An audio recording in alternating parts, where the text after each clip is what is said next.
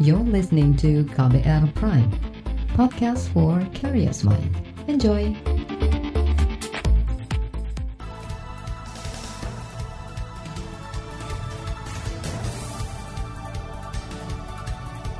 Selamat pagi saudara, kembali kami menemani Anda dengan sejumlah informasi pagi hari ini di Buletin Pagi. Saya Eka Juli. Dan saya Don Brady, kami telah menyiapkan sejumlah informasi terkini di antaranya WHO nyatakan virus corona sebagai pandemi. Pemerintah rilis stimulus fiskal dan non-fiskal.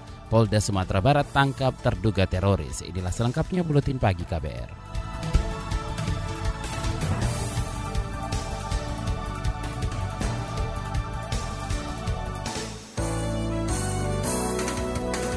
Terbaru di Buletin Pagi.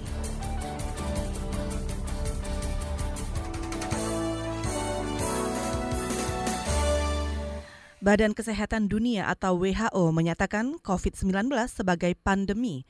Hal ini karena ada 118 ribu lebih kasus akibat virus corona di lebih 110 negara dan wilayah di dunia. Pandemi adalah penyebaran global suatu penyakit pada saat yang bersamaan. Direktur Jenderal WHO Tedros Adhanom Ghebreyesus menyatakan virus corona bukan lagi krisis kesehatan masyarakat, tapi krisis yang menyentuh semua sektor. WHO juga meminta warga tidak panik dan meminta pemerintahan di semua negara mengambil langkah penting dan agresif. Menurut WHO, beberapa negara telah menunjukkan kemampuan untuk menekan dan mengendalikan penyebar luasannya. BBC menulis dalam dua pekan terakhir, jumlah kasus COVID-19 di luar Cina bertambah 13 kali lipat dan jumlah negara yang terinfeksi meningkat tiga kali lipat. Di Indonesia kasus penularan COVID-19 sudah mencapai 34 orang. Dari jumlah itu, empat orang sudah dinyatakan sembuh, yakni pasien 03, 10, 06, dan 14. Dua di antaranya dirawat di RSUP Persahabatan dan dua orang lainnya yakni kasus 03 dan 10 dirawat di RSPI Sulianti Saroso. Dua pasien terakhir yang disebutkan berjenis kelamin perempuan dan laki-laki. Juru bicara pemerintah untuk penanganan COVID-19 Ahmad Yuryanto mengatakan tujuh kasus baru yang positif COVID-19 terpapar penyakit tersebut sepulang dari luar negeri.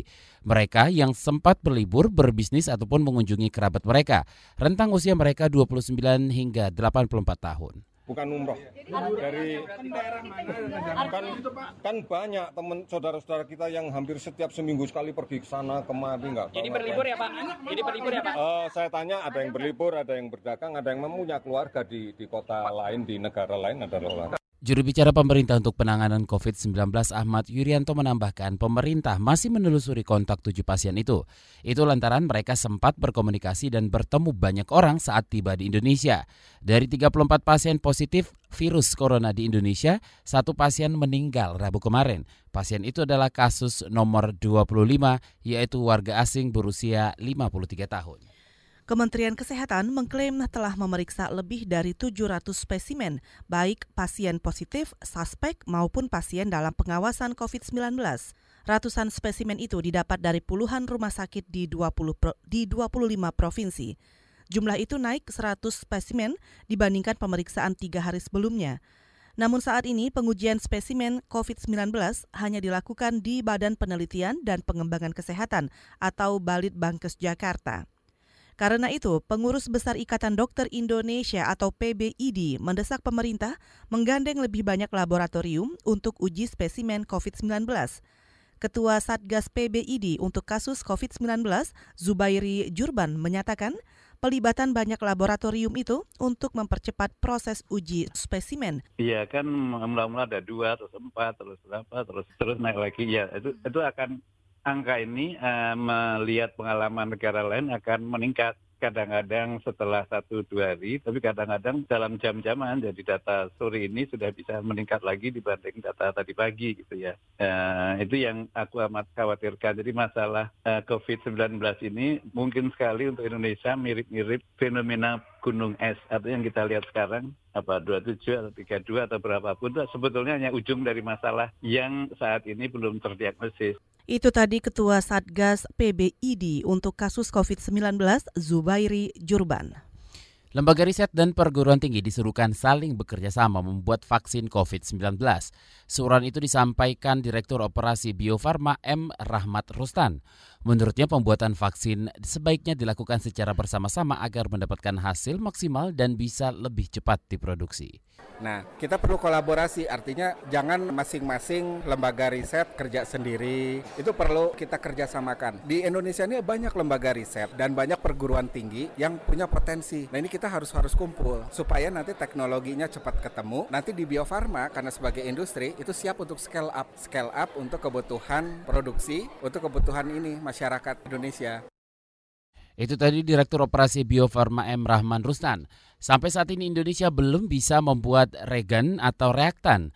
Regen diperlukan untuk mendeteksi virus COVID-19 dari tubuh pasien. Pemerintah mengklaim pembuatan regen sangat rumit. Saat ini pemerintah sudah menambah lagi 10 ribu regen. Sementara itu puluhan rumah sakit di bawah koordinasi Kementerian BUMN siap membantu penanganan wabah COVID-19. Menteri BUMN Erick Thohir mengatakan rumah sakit BUMN punya lebih dari 200 fasilitas khusus yang bisa dimanfaatkan untuk menangani pasien COVID-19. Kita ke informasi mancanegara. China mengizinkan sejumlah perusahaan kembali beroperasi di Wuhan, terutama bisnis yang menyediakan kebutuhan sehari-hari, supaya bisa segera kembali bekerja dan berproduksi. Sedangkan untuk perusahaan lain diharapkan melakukan hal yang sama, hanya saja waktunya ditentukan sesudah tanggal 20 Maret. Sementara di luar Wuhan, pejabat Cina juga menyerukan untuk secara bertahap melanjutkan kegiatan usaha, terutama untuk perusahaan yang terlibat dalam pencegahan epidemi, utilitas publik, dan penyedia kebutuhan pokok. Khusus untuk penerbangan, kereta api, mobil, kapal, dan bus kota di daerah beresiko COVID-19 akan secara bertahap dioperasikan. Saudara Kementerian Kesehatan Malaysia mengklaim ada 26 pasien positif virus corona yang sembuh. Pasien itu adalah pasien ke-78 yang sudah dikeluarkan dari rumah sakit. Hingga 11 Maret, negeri jiran mencatat ada 20 kasus baru virus corona. Total kasus corona di sana mencapai 149 kasus.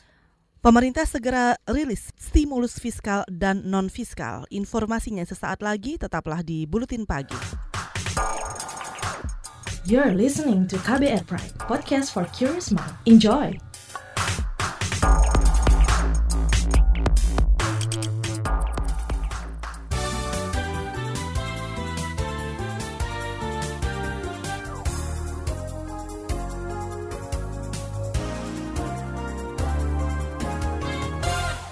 Sedang mendengarkan Buletin Pagi KBR. Siaran KBR mengudara melalui lebih dari 500 radio jaringan di Nusantara.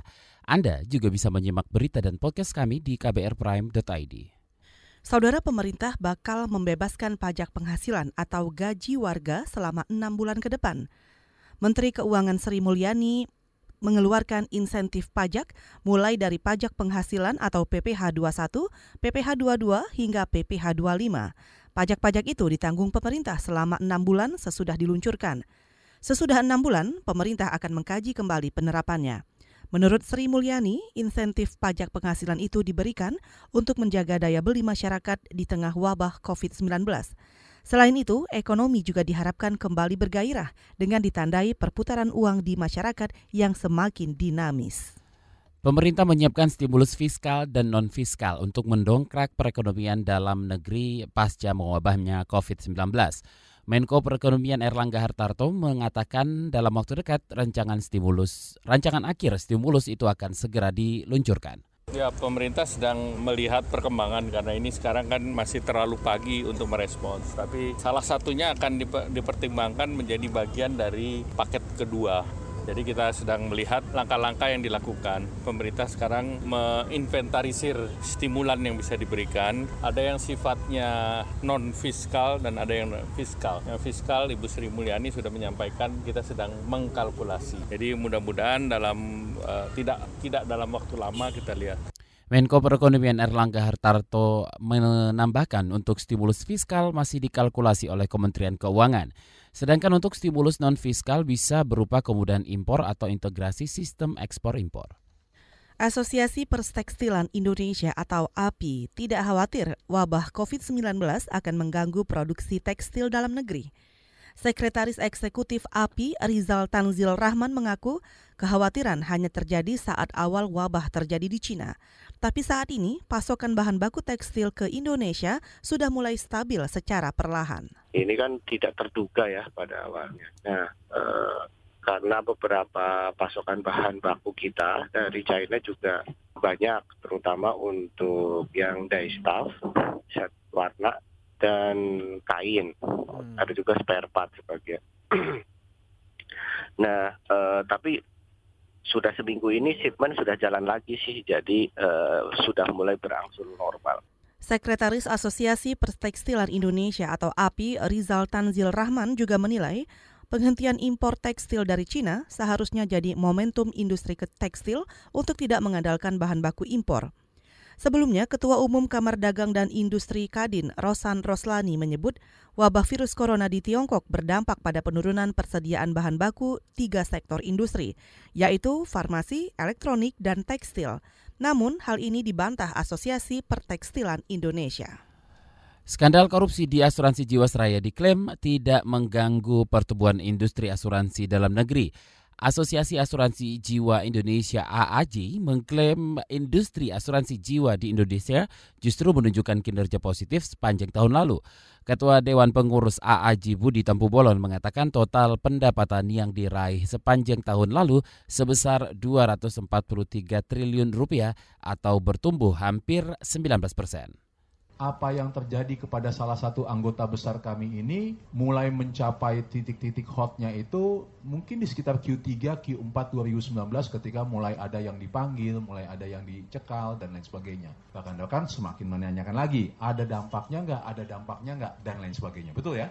Sekarang inilah yang kami, kami sampaikan kepada rekan-rekan semua. Angkanya dari 59 perusahaan asuransi jiwa, total anggota kami ada 60, tapi perbandingan 2018-2019-nya apple to apple ya, karena 59 dan 59, itu ternyata bisnis asuransi jiwa tumbuh Mengutip data Asosiasi Asuransi Jiwa Indonesia, total pendapatan premi yang tercatat pada 2019 naik lebih dari 15 persen dibanding tahun sebelumnya. Total pendapatan premi ini diperoleh dari dua premi yakni premi bisnis baru dan premi bisnis lanjutan. Kita ke berita olahraga.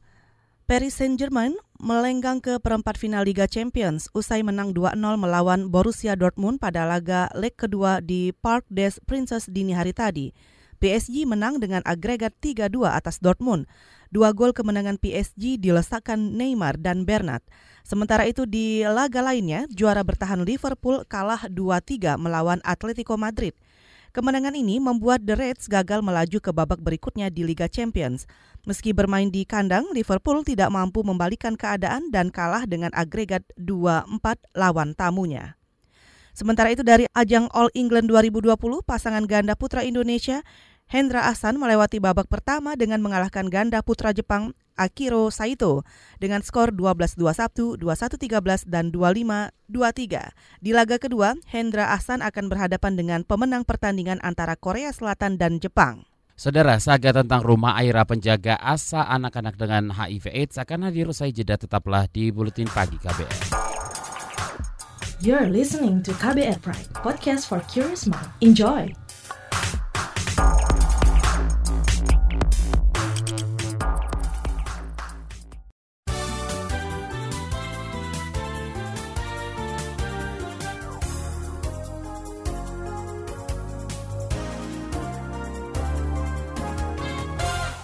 Terima kasih Anda masih mendengarkan Buletin Pagi. Saatnya kami hadirkan liputan khas KBR Saga.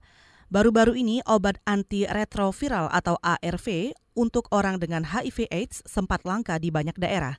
Krisis stok obat ARV sudah berulang kali terjadi tanpa ada solusi nyata dari pemerintah.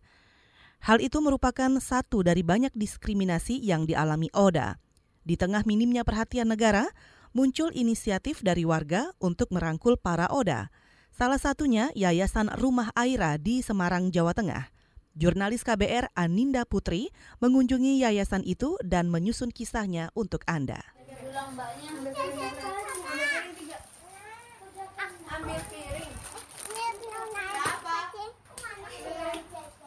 Tangis bayi, celoteh, dan gelak tawa anak-anak mewarnai keseharian rumah bercat biru di Jalan Kabar Raya Timur, Kota Semarang, Jawa Tengah.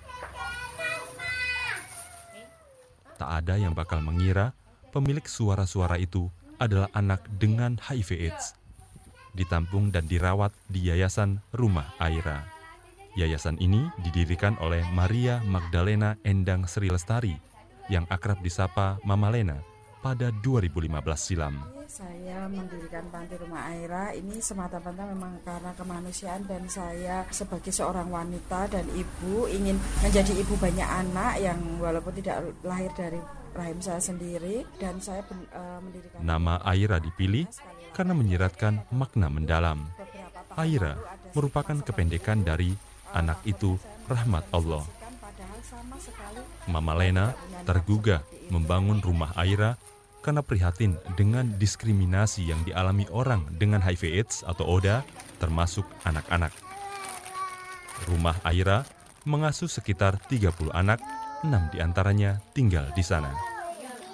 Pendirian rumah Aira sempat ditolak akibat masih kentalnya stigma tentang HIV.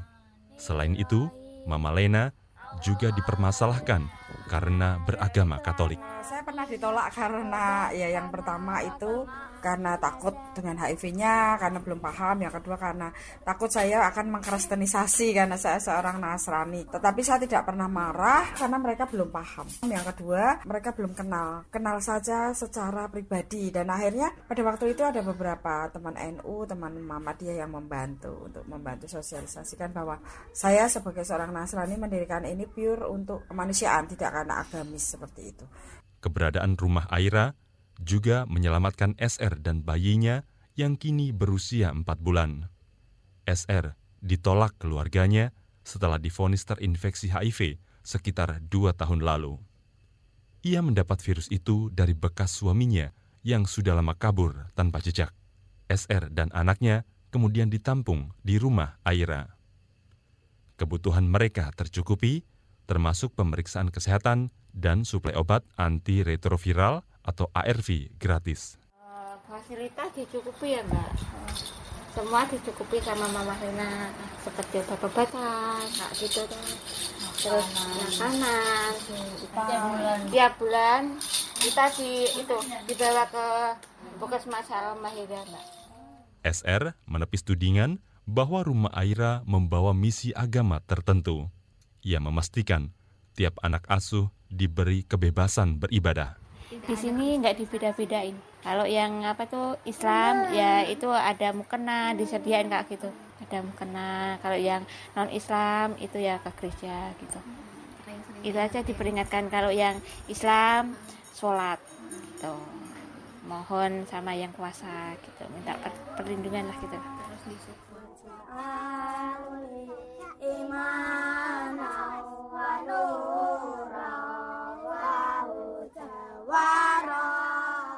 Suara sekelompok bocah mengaji ini datang tak jauh dari rumah Aira. Mereka duduk melingkar sambil melantunkan ayat-ayat Al-Quran. Di antara mereka ada Rafa, anak asuh rumah Aira. Guru ngaji Rafa, Agus Liana mengatakan, Mama Lenalah yang berinisiatif mendaftarkan anak asuhnya yang penting anaknya mau ngaji dia niat.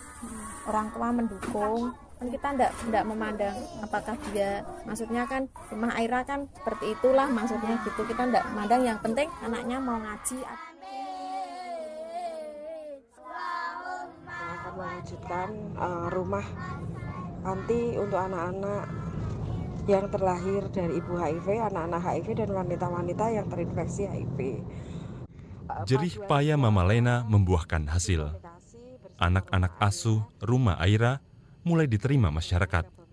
Mereka juga bisa bersekolah tanpa khawatir mendapat diskriminasi.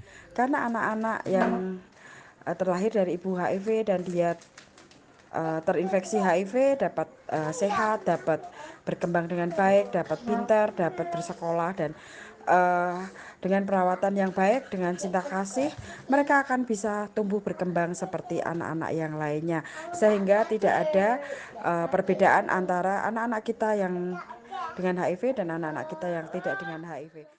Demikian saga yang disusun jurnalis KBR Aninda Putri Kartika. Saya Sindu Darmawan.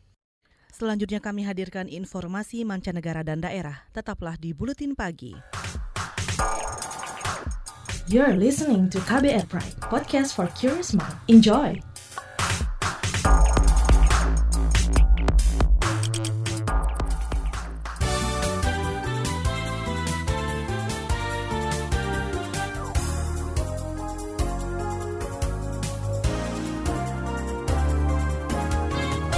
Anda mendengarkan bagian akhir buletin pagi KBR. Saudara, Detasemen Khusus 88 Mabes Polri mengaku satu terduga teroris di Payakumbuh, Sumatera Barat. Juru bicara Polda Sumatera Barat, Stefanus Satake Bayu Setianto mengatakan saat ini terduga masih diperiksa. Iya, benar. Jadi tadi siang itu dan 88 melakukan penangkapan kepada satu orang warga Paya, apa, orang yang ditangkap di Payakumbuh. Juru bicara Polda Sumatera Barat Stefanus Satake Bayu Setianto menjelaskan penangkapan terduga teroris dilakukan di rumah kediaman yang bersangkutan dengan tanpa perlawanan. Stefanus belum merinci terduga terafiliasi dengan jaringan teroris mana dan semua masih dalam pengembangan. Saudara nelayan Tegal, Jawa Tengah yang dikirim ke perairan Natuna, Kepulauan Riau, sudah mulai menangkap ikan. Ketua Dewan Pimpinan Cabang Himpunan Nelayan Seluruh Indonesia Tegal, Riswanto, mengatakan Total ada 30 kapal dengan kapasitas 100 gross ton yang berangkat dari Jawa Tengah ke Natuna. Mereka berangkat sejak dua pekan lalu dan sudah mendapat arahan Badan Keamanan Laut terkait zonasi penangkapan ikan sehingga tidak mengganggu nelayan lokal. Kayak lokal kita kan biasanya kalau melihat ya pakainya berarti tentu kasat mata kalau dengan radar jangkauannya itu lebih luas kemungkinan seperti itu dan kita kan hanya difasilitasi oleh uh, yang namanya di kapal perikanan kita AIS sama VMS. Jadi keberadaan kapal-kapal kita yang sekarang di Natuna itu hanya dimonitor oleh teman-teman atau dari aparat ataupun itu Mbak uh, kapal. Ketua Dewan Pimpinan Cabang Himpunan Nelayan Seluruh Indonesia Tegal Riswanto menambahkan keberadaan 30 kapal nelayan Jawa Tengah di Natuna untuk menjaga zonasi ekonomi eksklusif Indonesia supaya tidak lagi dimasuki kapal asing. Hal itu sesuai dengan pernyataan sebelumnya oleh Menko Polhukam Mahfud MD. Alokasi dana otonomi khusus Papua dinilai masih belum memprioritaskan kebutuhan masyarakat adat. Antara lain belum menyentuh sektor kesehatan, pendidikan, dan sumber daya ekonomi kerakyatan. Ketua Dewan Adat Doberei Papua, John Warijo, menyebut pemerintah Provinsi Papua belum transparan dalam mengelola dana otsus sebesar 92 triliun rupiah sejak 2002 silam lalu seharusnya apa ada guliran apa seharusnya ada badan yang mengelola itu secara terpisah. Nah, karena kalau sekarang kita evaluasi otsus, banyak orang oh banyak orang Papua itu mengatakan itu gagal. Artinya bahwa tidak sampai pada kelompok sasaran yang diinginkan. Itu tadi Ketua Adat Doberai Papua John Warijo. Kemarin Presiden Joko Widodo meminta dana otonomi khusus Papua dievaluasi total menjelang berakhirnya penyaluran dana itu pada 2021. Selain itu Jokowi juga meminta penyaluran dana otsus Papua melibatkan tokoh masyarakat dan agama setempat. Saudara informasi mancanegara dan daerah tadi mengakhiri buletin pagi KBR hari ini. Simak terus informasi terbaru melalui kabar baru, situs kbr.id, akun Twitter at berita KBR, dan juga podcast di kbrprime.id. Saya Eka Juli. Dan saya Don Brady, kamu, kami undur diri. Salam. Salam.